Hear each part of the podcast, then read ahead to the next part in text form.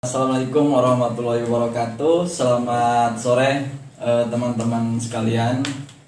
Ini adalah merupakan forum eh, ngabuburit atau tadarus ilmu yang di mana kita memang sudah mengagendakan untuk di bulan Ramadan ini setiap hari hanya kecuali hari Minggu kita ada agenda tadarus, tadarus ilmu atau yang di labeli tajuk dengan tajuk eh, apa ngabuburit.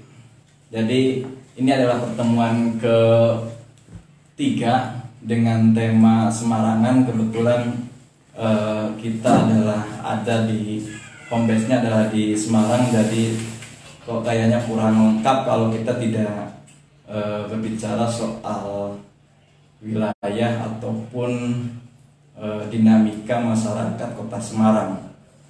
E, pada kesempatan ini nanti kita akan berbicara lebih pada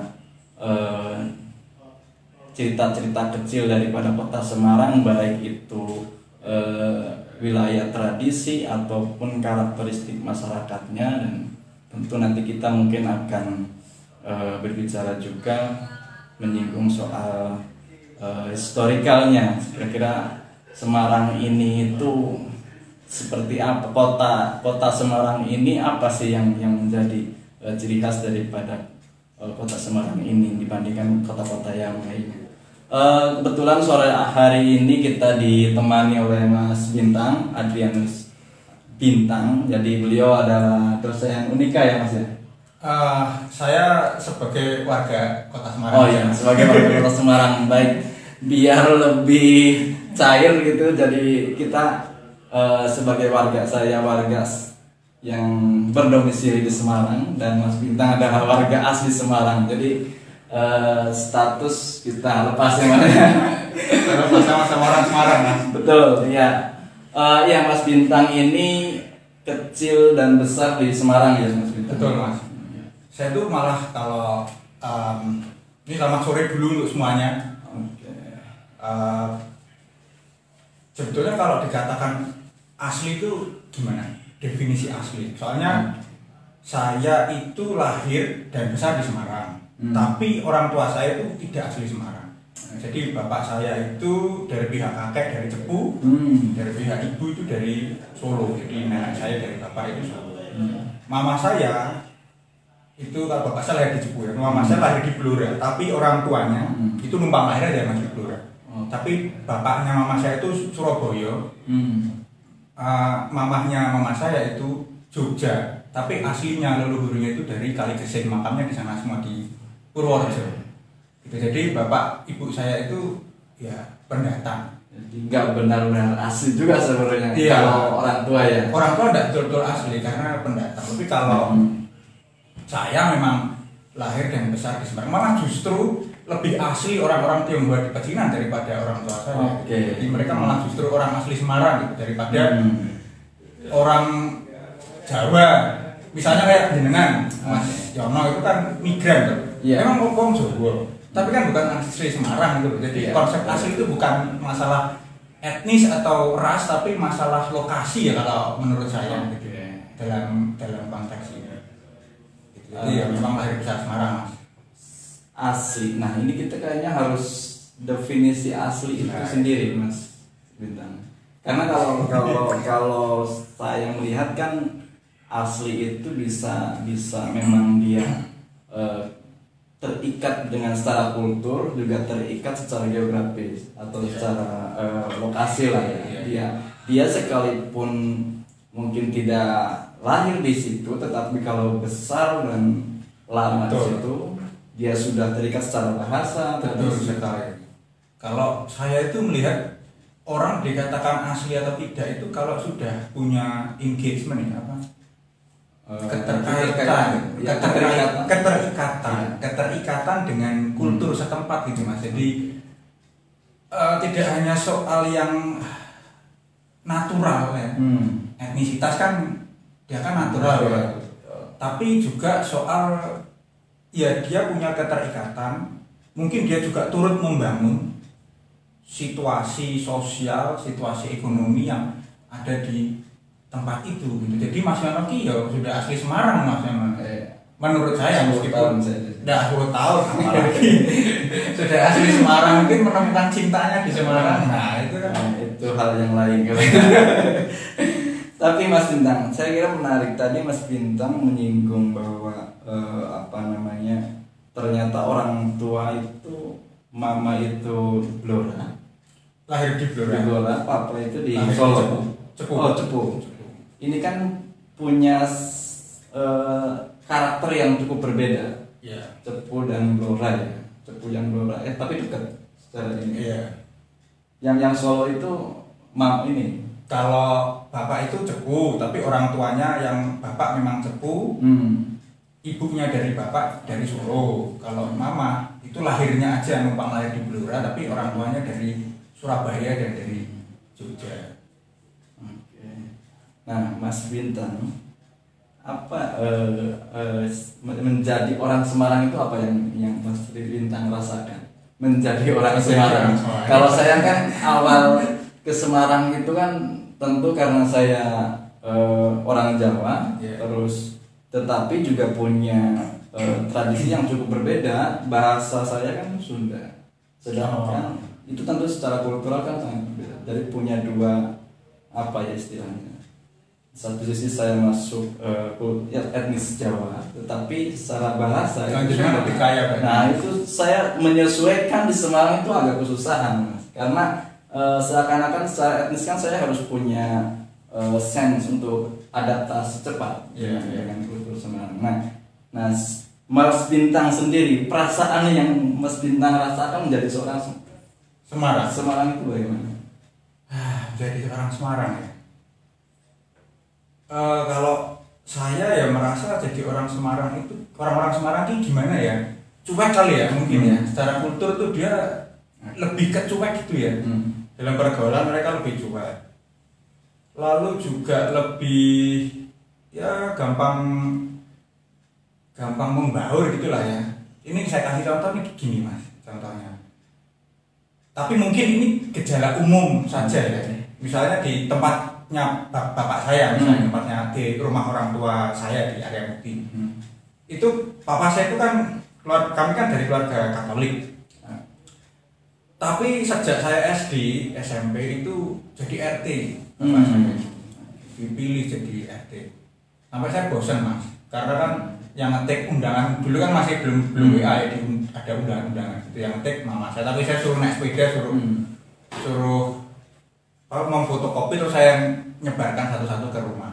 Tapi poinnya itu gitu. Hmm. Setelah itu pun juga warga-warga ya yang jadi RT ya ada yang Kristen Protestan, kemudian ada yang Islam juga. Di tempat saya sekarang tinggal ini di Bukit Kencana Jaya di Matesa itu juga mas. Jadi RT-nya ya pernah Kristen ya gitu. Sekarang RT-nya Muslim tapi bendaharanya sama sekretarisnya orang Kristen. Jadi saya kok melihat warga Semarang itu lebih terbuka ya warga Semarang itu lebih terbuka terhadap ya perbedaan terhadap perbedaan kultural ya Karena baik itu agama, ya. atau etnis mungkin saya nggak tahu mungkin secara sejarah dulu Semarang itu memang sejak awal Hmm. terbentuknya itu lebih sebagai pasar ya mula-mula pasar yang jadi kota bukan kota yang punya pasar Oh, iya. mungkin gambaran saya gitu Oke, eh, kalau kebanyakan orang kan bilang bahwa Semarang itu cukup multikultural.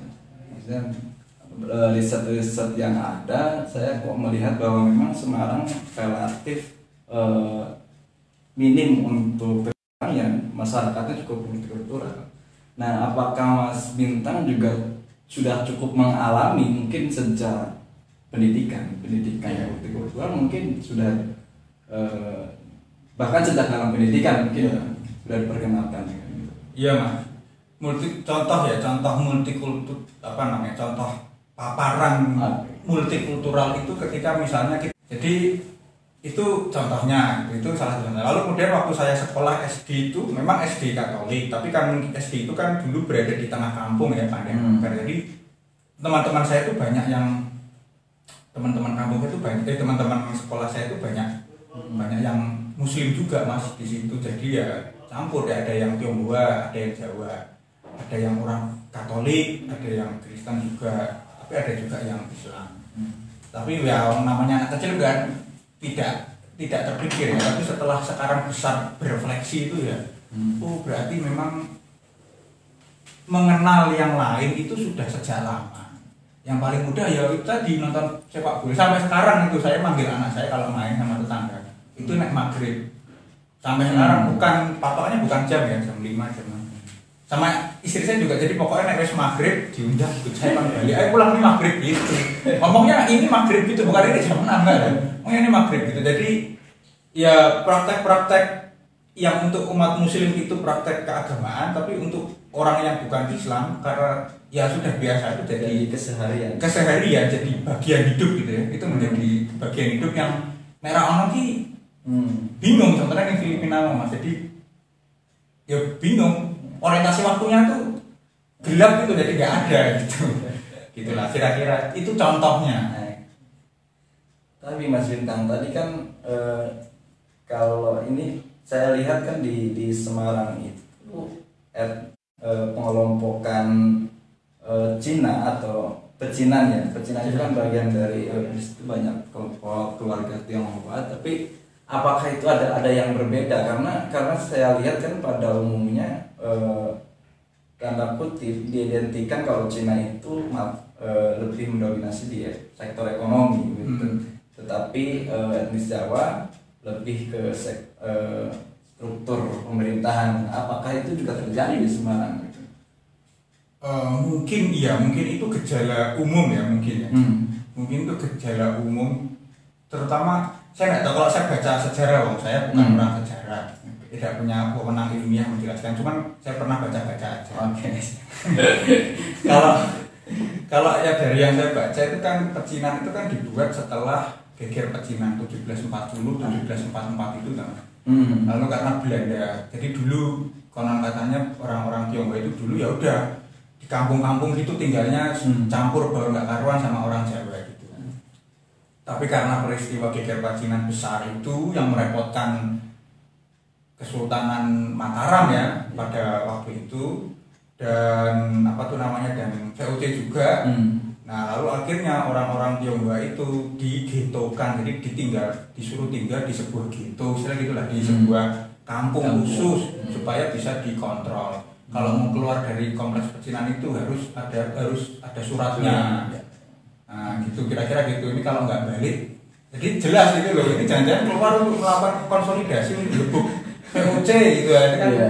Nah, terus makanya jadi kalau menurut saya ya tinggal di pecinan itu ya karena mula-mula mungkin dibentuk oleh Belanda ya ada Hmm. kampung ada ada Didisiplinkan. pecinan didisiplinkan ada kampung Melayu kalau di Jakarta di sini Oh, juga ada iya. ya, kampung Hmm. Melayu ada kampung Makassar kampung Bali kampung Ambon dan seterusnya karena dulu kan mungkin mereka apa namanya mercenary ya per prajurit Hmm. bayaran gitu gitu jadi gitu ya tapi kan sekarang kalau kita lihat kan orang Tionghoa udah membaur kan mas Ah, iya. sudah ya di mana-mana lah maksudnya Hmm. di perumahan ada di kampung-kampung juga ya juga ada lah di mana-mana tuh sudah Di pasar juga sudah. di pasar juga sudah lah kalau saya punya teman tuh rumahnya Serayu Serayu Hmm. itu jalan apa tuh namanya jalan dekat jalan Citarum itu apa namanya jalan Dokter Cipto Dokter.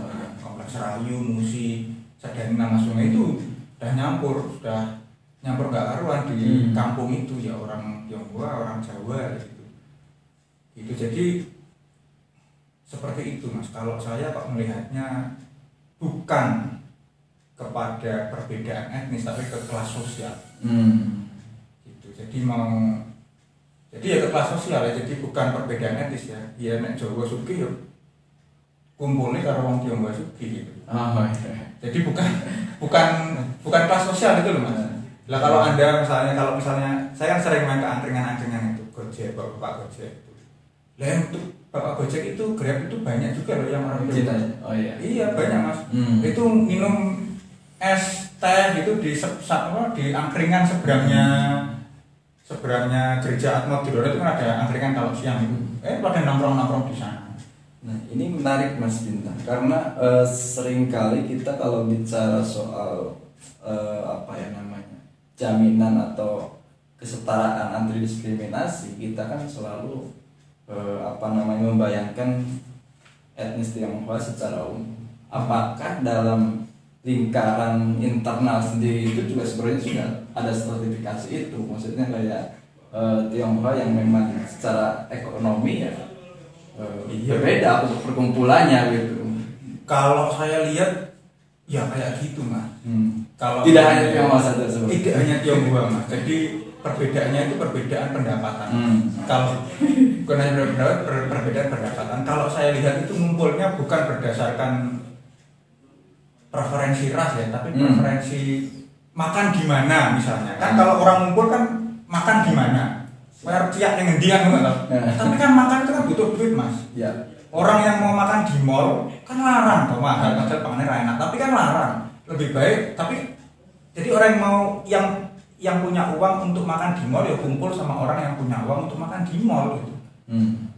Gitu. Tapi yang mau makan di yang bisa yang bisanya makan di warteg misalnya ya kumpul Hmm. sama yang makan di warteg gitu. Hmm. Kalau saya melihat gitu, soalnya kan makan makanan itu kan penting ya. Hmm. Orang Jawa kumpul ya makan, orang Tionghoa kumpul ya makan. Jadi nek kumpul kuwi makan lah makanya di Hmm. nek mall wah ya mangko mangko sik duitnya cekak ya gitu. Jadi aku kumpul sama yang sama-sama kayak gitu kan. Kalau saya ya, saya melihatnya gitu, berdasarkan pengalaman saya. Karena saya dulu SMA kan juga Hmm. campur ya. nah SMA swasta, dulu SMP saya SD SMP SMA kan Katolik, jadi ya campur gitu mas. hmm. SMP kan enggak yang enggak main-main ke mall kan enggak kan SMP ya pulang ya pulang gitu. Tapi kan SMA kan kelihatan dari situ kan. Hmm. Kumpulnya tidak berdasarkan etnis kalau saya lihat, tapi ya berdasarkan kepemilikan akses terhadap sumber daya ekonomi itu kalau saya melihatnya. gitu dan anu mas yang memang eh, ya itu itu yang yang tampak di Semarang juga memang saya melihat beberapa memang eh, tidak ada eh, pemisahan ras ya dalam meskipun eh, ada kampung pecinan kampung eh, Melayu tetapi di situ juga ada juga kok orang yang Jawa berpenghuni di situ Iya. Cuman kok Mas eh, kebetulan kalau kalau saya lihat itu eh, wisatawan ataupun kunjungan itu sementara masih masih lebih eh, banyak berkunjung ke Pecinan ketimbang ke Kota Lama. Padahal kan ini adalah dua dua situs yang berbeda yang sama-sama penting. Hmm. Pecinan juga punya situs sejarah dan juga Kota Lama Eh, mulai dari bangun-bangunan Iya. apa yang yang yang, yang menjadi ini kan eh, orang akan lebih menarik meneliti pecinan ketimbang kota lama atau kauman sepertinya begitu Sepertinya begitu. Iya. Dan Neliti kota lama ya neliti dokumen ya mas. dokumen ya Mungkin karena kan karena jarang ada yang tinggal di kota lama karena kan wilayah pa- pariwisata Hmm. jadi meneliti kebijakan pemerintah terhadap pariwisata Hmm. tapi kalau meneliti pecinan ya meneliti orangnya lalu kenapa nggak kauman itu menarik kenapa Hmm. nggak kauman pekojan karena kan di sisi kan Iya, pekojan betul. pecinan terus kauman gitu kan kauman ya Nah, itu menarik mas kenapa kok nggak meneliti kauman ya kayaknya kita perlu meneliti kita berdua iya itu. Karena gak, gak- biasanya kan meneliti Semarang ya kauman eh, pecinan yang lebih eh, tema besarnya gitu. Tapi mungkin ya mas, dugaan saya itu penelitian tentang Tionghoa itu mulai terangkat setelah 98 dugaan oh saya. iya. Jadi mungkin ya orang meneliti pecinan Semarang tertarik karena ya apa ya? Ya komunitas pecinan lebih lebih nampak mungkin ya. Hmm. mungkin itu lebih nampak misalnya membuka diri untuk apa tuh? Semawis Semawis, Jumat ya. Jumat Sabtu Minggu itu. Hmm. Pasar misalnya Semawis. pasar semawis itu. Jadi mungkin lebih nampak mungkin ya mas. Dugaan saya demikian. Saya tuh juga pengen mas masuk ke kauman cuman ya gimana ya? Saya juga tidak ada teman yang tinggal di sana. Kalau Patina kan ada saya punya teman Ah, di iya. SMA misalnya juga di Pecinan tapi kalau di Pekojan misalnya di Kauman itu sebetulnya juga menarik orang kan Hmm. susah membedakan ya keturunan Hmm. Arab keturunan Pakistan misalnya Hmm. kalau Pekojan kan keturunan Pakistan misalnya itu kan susah padahal makanan Semarang itu kan kaya karena campuran ya Campuran. Jawa kemudian ada rasa Arabnya mungkin Istana Korea. mungkin, nah Tiongkoknya juga mungkin, jadi mungkin lebih. Tapi menarik itu mas, Hmm. jarang ada yang meneliti tentang kauman. Kayaknya mungkin suatu saat jenengan harus Oh, iya.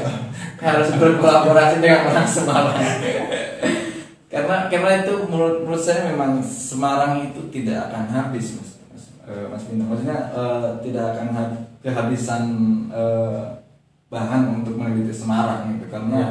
meneliti pecinan aja kita bisa dari ragam perspektif misalkan eh, kita bisa dapat kok eh, struktur bangunannya yang yang tidak tidak berbeda.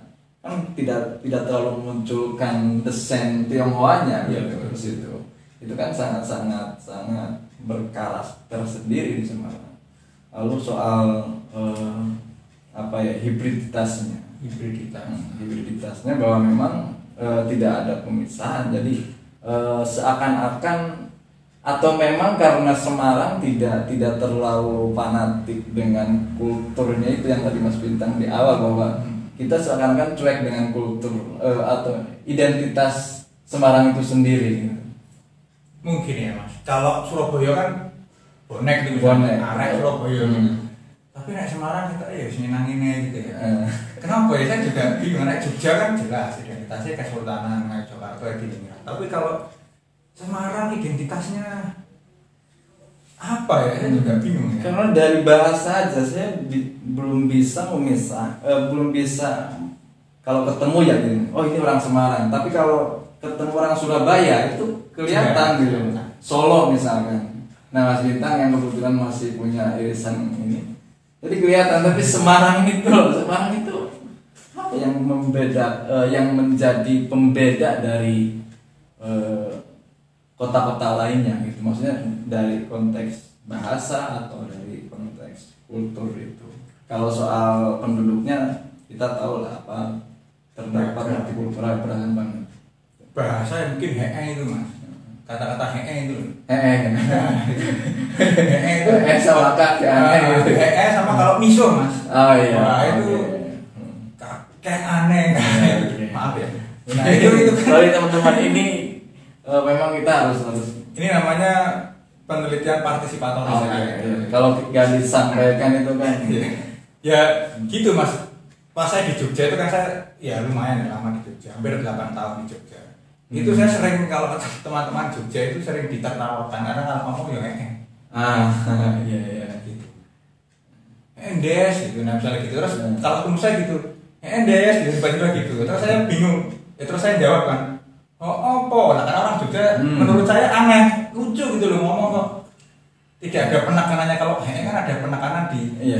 eh gitu tapi Hmm. kalau oh kan oh, oh nah gitu jadi yang membedakan ya mungkin yang kalau di Jogja teman-teman Jawa yang di Jogja itu bisa melihat oh ini orang Semarang karena hmm. ada kata he-nya itu terus kalau miso juga mungkin beda ya karena kata kosakata tadi itu itu kayaknya mungkin ya mungkin natif Semarang itu mungkin Hmm. mungkin itu kosakata kalau yang lain apa ya? Kalau kultur yang lain apa mas? Makanan mungkin ya? Makanan. Apa mas contohnya? Mungkin makanan mungkin apa ya? Yang terkenal ya lumpia itu mungkin ya. Hmm. lumpia. Eh, yang konon katanya kan mas mak- makanan hasil dari pertemuan kebudayaan gitu Hmm. Iya. Pertemuan kebudayaan antara peranakan ya peranakan. Tionghoa Peranakan sama Jawa ya. Iya.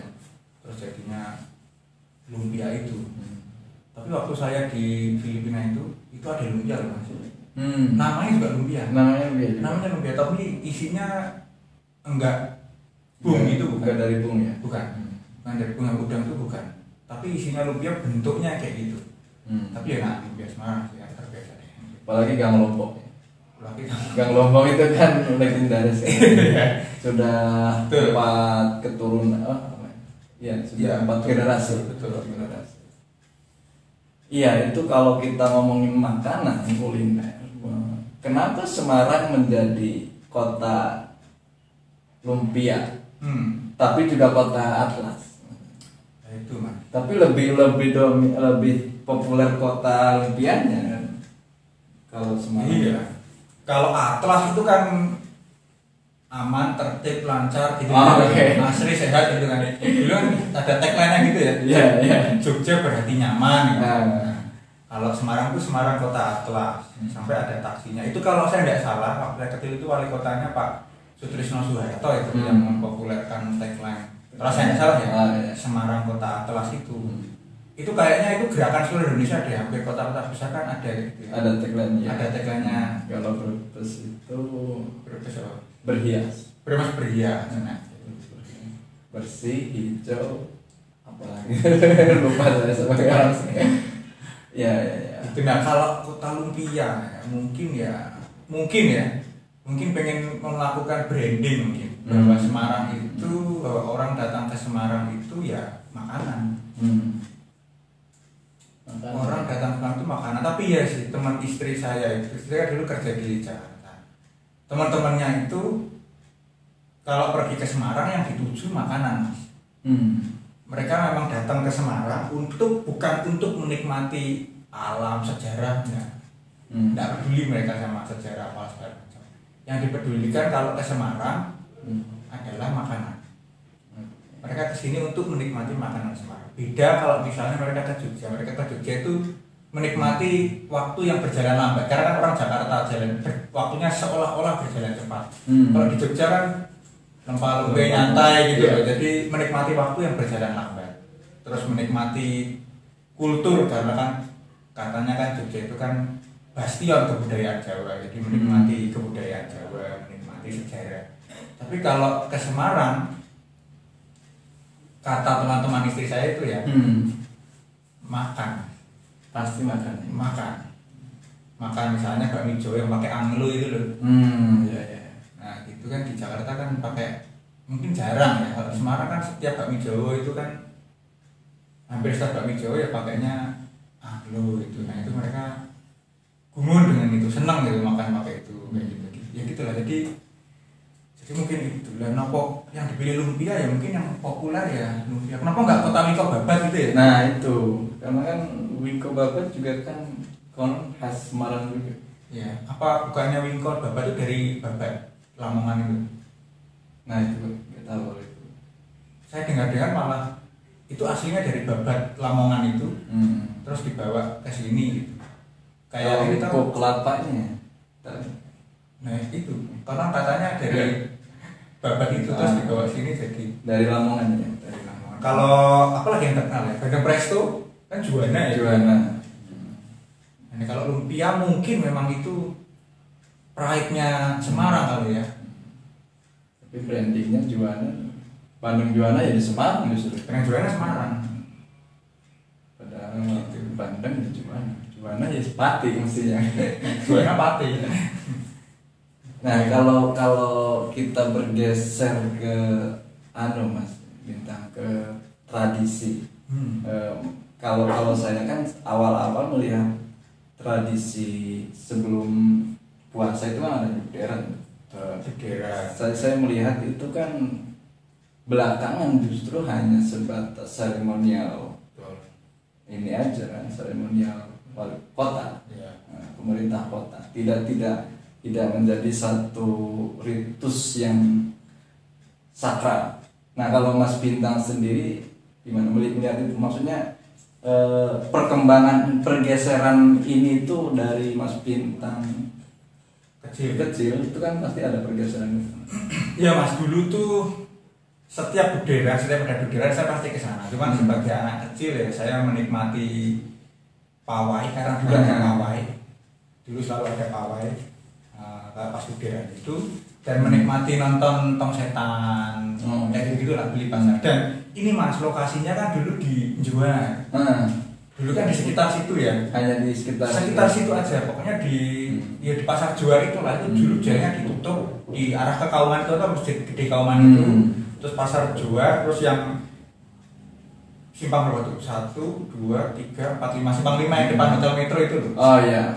Di situ sama ke arah jalan pemuda itu sudah banyak orang yang jual-jual terus bikin wahana-wahana gitu. Hmm. jadi ya dulu kes, eh, apa ya namanya? Pesta rakyat ya. Nah, dulu saya memaknai sebagai pesta rakyat. ya. sebagai karena orang dua minggu kan sekarang. Iya betul. Lama banget itu waktu itu. Ha. beli itu lah. Apa tuh namanya waktu kecil? Eh, perahu perahu orang kecil itu yang kapal-kapalan dari Seng yang di Hmm. kasih lilin itu. Oh iya nah itu. Dulu itu dulu saya menikmati itu. Jadi setiap duderan ya sampai duderan datang. Tapi menikmatinya sebagai yo ini pesta rakyat. Hmm. bahwa kemudian ternyata oh ini bagian dari ritus karena mau masuk bulan puasa ya kayaknya. Hmm. itu ya baru-baru sudah gede baca Sudah- baru tahu. sudah baca. Betul baca baru tahu. Oh ternyata tuh kayak gitu gitu. Hmm. termasuk warak ngendok. Itu dulu tahunya ya pokoknya warak ngendok. Oh kayak Hmm. lu ya namanya anak ya bareng-bareng gitu. Ya pawai ada warak ngendok ya orang tahunya sebagai anak kecil oh itu lo warak gitu. Hmm. gitu dan baru tahu kalau ternyata warak itu nggak ada ya maksudnya Iya, imajiner hanya gitu. imajiner. Imajiner. dan baru tahu juga bahwa itu disputed mas apa Hmm. namanya tafsir atas hewan imajiner Iya, yang namanya warak ngendok itu diperebutkan gitu loh saya tuh juga baru tahu mas Hmm. tafsir itu ternyata diperebutkan satu waktu saya sama istri saya itu jalan-jalan Hmm. waktu ada pameran buku di kota lama itu loh Iya. Oke. 2019 kayaknya itu saya jalan-jalan ke sana terus saya lihat ada buku Semarang gitu tebel Hmm. ya pengen beli mas tapi mahal ratusan ribu harganya tebel buku kesenian-kesenian Semarang Oh, iya. namanya kotak gitu saya Mahal. baca gitu di situ saya menemukan tulisan mengenai orang endok itu konon katanya dibuat oleh para pemuda dari kampung Purwodinatan Nah, koordinatan. dari kampung Purwodinatan tapi kepalanya itu kambing gitu sedangkan banyak orang sekarang itu taunya kepalanya naga Naga. Iya, berubah. Nah, saya nggak ngerti ini jangan-jangan sih bener ki yang Yang mana? yang yang mana gitu. Atau mungkin dulu kambing berubah menjadi naga karena ada faktor-faktor eksternal ya, faktor-faktor Hmm. eksternal entah itu politik, ekonomi atau ekonomi politik yang sehingga mengubah Hmm. tafsir itu atau dulu naga terus kambing atau gimana saya kurang Hmm. tahu tapi dari itu terus saya ngobrol sama istri saya oh ini disputed ini maksudnya Hmm. orang berebut tafsir atas itu gitu dan tafsir yang dominan sekarang kalau kita tanya ke anak-anak yang sepantaran kita lah ya, Hmm. ya yang taunya ya itu naga, Naga. ke- kepalanya naga Hmm. Tapi bahwa ada tafsir lain bahwa itu kambing tidak banyak yang tahu ya kecuali Hmm. yang kebetulan baca gitu Iya. Mas. Iya, karena dari beberapa eh, apa namanya sejarawan juga itu memang melihat ada yang bilang kalau kalau sejarawan mungkin lebih pada eh, pendekatan kapan sih mulai dibentuknya kawan ini lalu kan menafsirkan tapi kalau orang antropolog tentu berbeda melihat itu. Oh itu hanya mainan aja gitu. Sesuai dengan kenyataan masyarakat kan ini hanya mainan gitu. Tetapi ya memang eh, ada yang bilang itu ada pergeseran paradigma bahwa, bahwa sekarang ada perebutan kultur. Sehingga dalam eh, dukderan itu ya sim yang warak enduk yang menjadi simbol sebenarnya. Simbol dari tradisi itu memperlihatkan hibriditasnya. Tapi dalam bentuknya itu sudah mulai berubah. Ada perubahan kultur di sini. Ya. yang tadinya kambing jadi naga katanya. Itu ada yang bilang begitu. Perebutan tafsir ya. Nah, makanya memang kayaknya harus cari orang yang juga yang tahu soal Iya, iya, betul. Kenapa eh, sebegitu penting itu loh eh, simbol hewan ini Iya. untuk untuk menjadi satu eh, apa ya? Karena kan kalau kita mau eh, menggambarkan yang abstrak itu ya tentu butuh simbol ya. Yang Betul. mungkin kita mau menggambarkan masyarakat Semarang ya yang melihat dari simbol betul itu. betul betul mungkin ya mungkin celah atau kekosongan Semarang setelah sekian lama itu ya kita tidak punya sesuatu yang dibanggakan ya Nah, Surabaya bangga. Suro dan Boyo Boyo. Iwa, Suro dan Boyo hmm. yang artinya ya berani menghadapi bahaya Hmm. lambangnya itu jadi lambang kotanya kan juga lambangnya itu Jogja ada simbol kultural yang dibanggakan ya Hmm. Keraton Ngayogyakarta Hadiningrat itu dengan merapinya, dengan laut kidulnya, dengan tugu golong giliknya itu Hmm. gitu. Nah Semarang ini kan ya mungkin kayak jenengan tadi bilang itu ya seolah-olah tanpa identitas lalu kemudian harus ada identitas harus ada tradisi yang ditemukan. Oke. Yang ditemukan dan disepakati ya sebagai tradisi kita bersama gitu. hmm. Nah permasalahannya kan kemudian ada sengketa ya mungkin ya. Sengketa atas sengketa sengketa tafsir gitu. Sengketa tafsir atas tradisi yang Hmm. sebenarnya nggak ada tapi invented ditemukan secara bersama-sama gitu loh.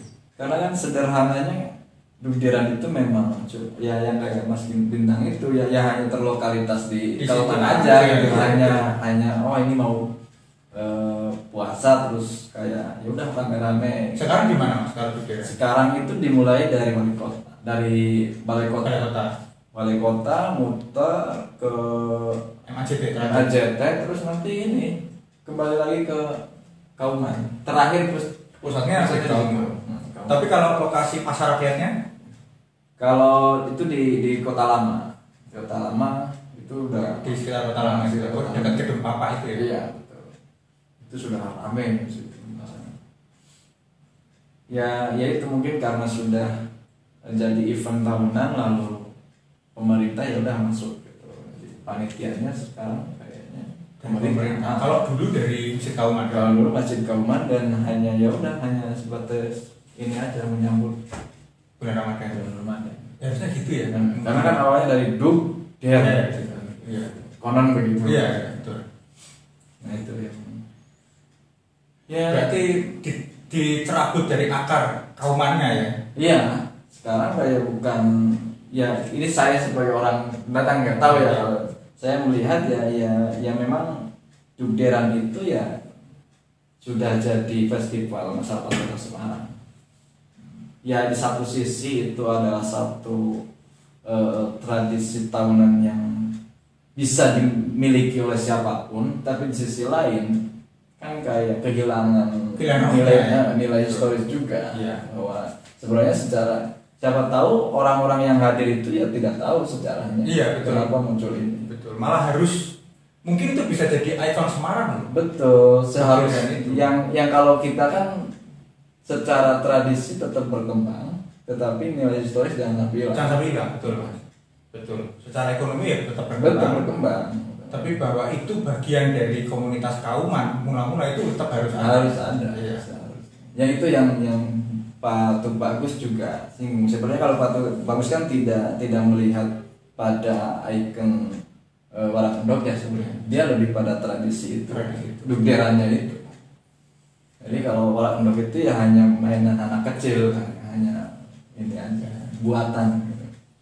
Itu Pak Tug Bagus yang lalu kemudian di, dibikin seolah-olah menjadi memiliki tafsir tertentu. Iya, karena kebetulan memang di Semarang ya tadi persilangan budaya Iya. gitu. Ya mungkin karena tidak punya eh, identitas apa ya, ya tidak punya identitas, tetapi ya ya yang mau gak mau harus harus menciptakan identitas bersama. Itu. Ya ada persilangan budaya.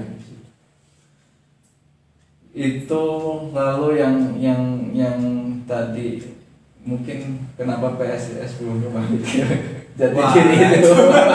Kalau itu harus sudah balik mas. oh sudah balik. Sudah latihan. Oh, kira masih di Citarum Oh, di di Magelang. Oh iya enggak su- sudah latihan di Jati Diri kok. Sepertinya sudah latihan di Jati Diri kayaknya eh, liga ini mungkin sudah betul. PSIS itu dulu saya diajak bapak saya itu nonton PSIS hmm. saya ingat itu dulu pertama kali nonton PSIS itu pas lawan Persebaya. Hmm. itu masih ada Arliston de Oliveira kemudian Iko Mamputra kayak gitu Hmm. lawannya Surabaya itu pas kuat-kuatnya itu. Ada Aji Santoso Yusuf Eko. Hmm. tahun berapa ya? Tahun 97 kali ya. Itu pas kuat-kuatnya PSIS itu karena eh, ya ikon Semarang mungkin salah satunya itu ya sepak Sepak bola. iya sepak bola juga. Soalnya kadang-kala tuh bisa mas melihat identitas kota dari sepak bola itu.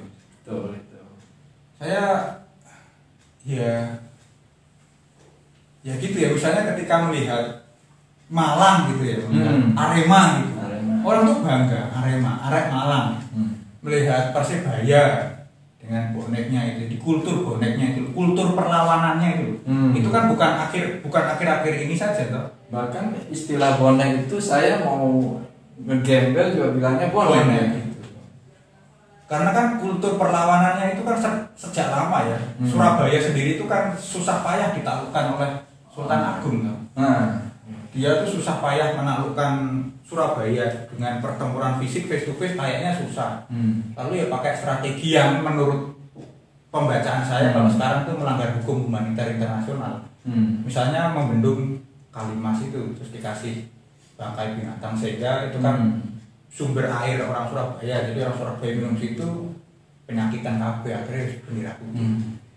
jadi ada kultur perlawanannya itu loh apa namanya kultur kultur perlawanan itu bukan akhir-akhir tapi sudah sejak lama ya mungkin karena sejarah Surabaya sendiri panjang. Kalau Semarang kan siapa mas yang jadi bupati Semarang pertama?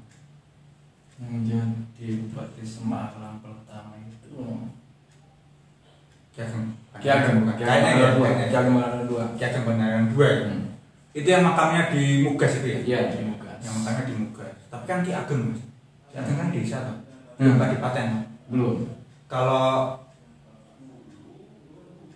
kalau Surabaya kan Kadipaten Surabaya Hmm. karena oh iya. Adipati dulu dia. Kalau Semarang kan Ki Ageng pangkatnya kan masih Ki Ageng Ki Hmm. Ageng Dan itu Pemanangan kan di, tidak hanya di sini kan juga. Apanya? Makam banyak gitu. Iya sama di Bayat ya Bayat, iya. sama di Bayat beliau Hmm. nah itu jadi jadi mungkin Semarang itu dulu sebagai kota pelabuhan tuh kayaknya ya Semarang tuh ramai itu ya setelah di apa namanya ya dikaryakan sama VOC itu jadi Hmm. markasnya VOC itu mungkin ya. Dulu kan orang zaman Mojopahit Mataram itu pelabuhan ki ya pelabuhan Jepara ya. Hmm. pelabuhan Kalinyamat nyaman Jepara itu. Terus habis itu ada Lasem Rembang Tuban Pakalongan bahkan. Hmm. yang pelabuhan-pelabuhan kuno. Semarang tuh mungkin kayaknya dulu bukan kota pelabuhan sejak masa-masa Hmm. pedang lalu Ya, Mataram hanya ini aja apa ra- apa ya? rawa-rawa kali ya itu. terus jadi rame ya jadi kota itu ketika terutama mungkin ya pas Ya, VOC itu ya masuk. terus Hmm. kan kayaknya ya mungkin itu kan sebagai Semarang itu diberikan ya diberikan Hmm. hak gunanya mungkin ya Ya. tahu ya kepada VOC kayaknya Oh ya. iya dari ini dari, ya, Surakarta. dari Surakarta ya karena membantu di Betul. Pacinan itu kan Hmm. sejak itu terus dia bikin loji-loji gitu kan iya. terus nari orang ayo tinggal di sini Nah, dagang. lojinya sekarang udah gak ada. ya? nggak ada kayaknya kalau Solo mah ada ya jadi Oh iya, kalau di Solo masih masih ada kalau Solo. Kalau Semarang Semarang itu kayaknya udah di jadi apa itu? Jadi bangunan iya kayaknya udah udah ditukar. Sif- oh jadi bangunan Sudah jadi biasa. bangunan, iya, oh, biasa. kota lama itu ya Nah, terus Mas Bintang, tadi Surabaya udah punya identitas ya. Nah, sebelum nanti kita ke Noto, apa yang yang dikampanyekan menjadi yang yang menjadi identitas Semarang itu baik itu melalui eh, apa namanya sepak bola ataupun tradisi-tradisi yang ada. Karena kan di Semarang saya lihat eh, meskipun kota tapi di pinggir-pinggir itu masih ada kultur yang masih dijaga. Ya karena misalkan ada kalau di Bustaman itu ada Ya. kebiuran itu kan Ya. saya juga belum begitu paham, paham ya. Kebiuran itu konon katanya memang ada eh, ya leluhurnya Bustaman ya. Bustaman. Lalu mereka terus ada nyadran di Gunung Pati misalnya. Iya jadi ini ini sebenarnya Semarang itu juga punya peluang untuk mempertahankan identitas sebagai kota tetapi juga masih sangat tradisional. Maksudnya masih kuat kulturnya. Jadi mungkin ini menjadi satu Tapi oleh pedesaan kampung yang kulturnya itu kultur tradisional mas Hmm. jadi ya eh, eh, kulturnya kul- kultur tradisional ya kultur santri gitulah ya Hmm. itu jadi misalnya ada pesantren yang tiap eh, hari pasar tertentu selasa apa ya saya lupa Hmm. itu ada eh, pengajian di situ Hmm. gitu jadi jadi nyampur ya jadi, jadi yang poinnya itu menariknya adalah di wilayah-wilayah tertentu itu menjadi frontier gitu jadi Hmm. apa ya namanya itu tempat Betul. orang itu yang dari berbeda kebudayaan itu Berjumpa. berjumpa gitu Hmm. itu berjumpa gitu jadi kalau misalnya ke Meranggen itu kan mungkin kulturnya lebih monokultur mungkin ya Iya. di tempat di dekat tempat saya uh, Logo Mulyo kemudian Purwamukti Penggaron itu kulturnya kultur santri dekat Hmm. dengan Meranggen gitu Meranggen, ya dekat iya. Dekat dengan Meranggen meskipun nggak sepanas Meranggen karena masih pohon-pohon kayaknya tapi juga di sana itu karena wilayah karena karena itu wilayah uh, banyak perumahan baru keluarga muda ke sana tahun tahun 90-an jadi ada banyak perumahan baru Hmm.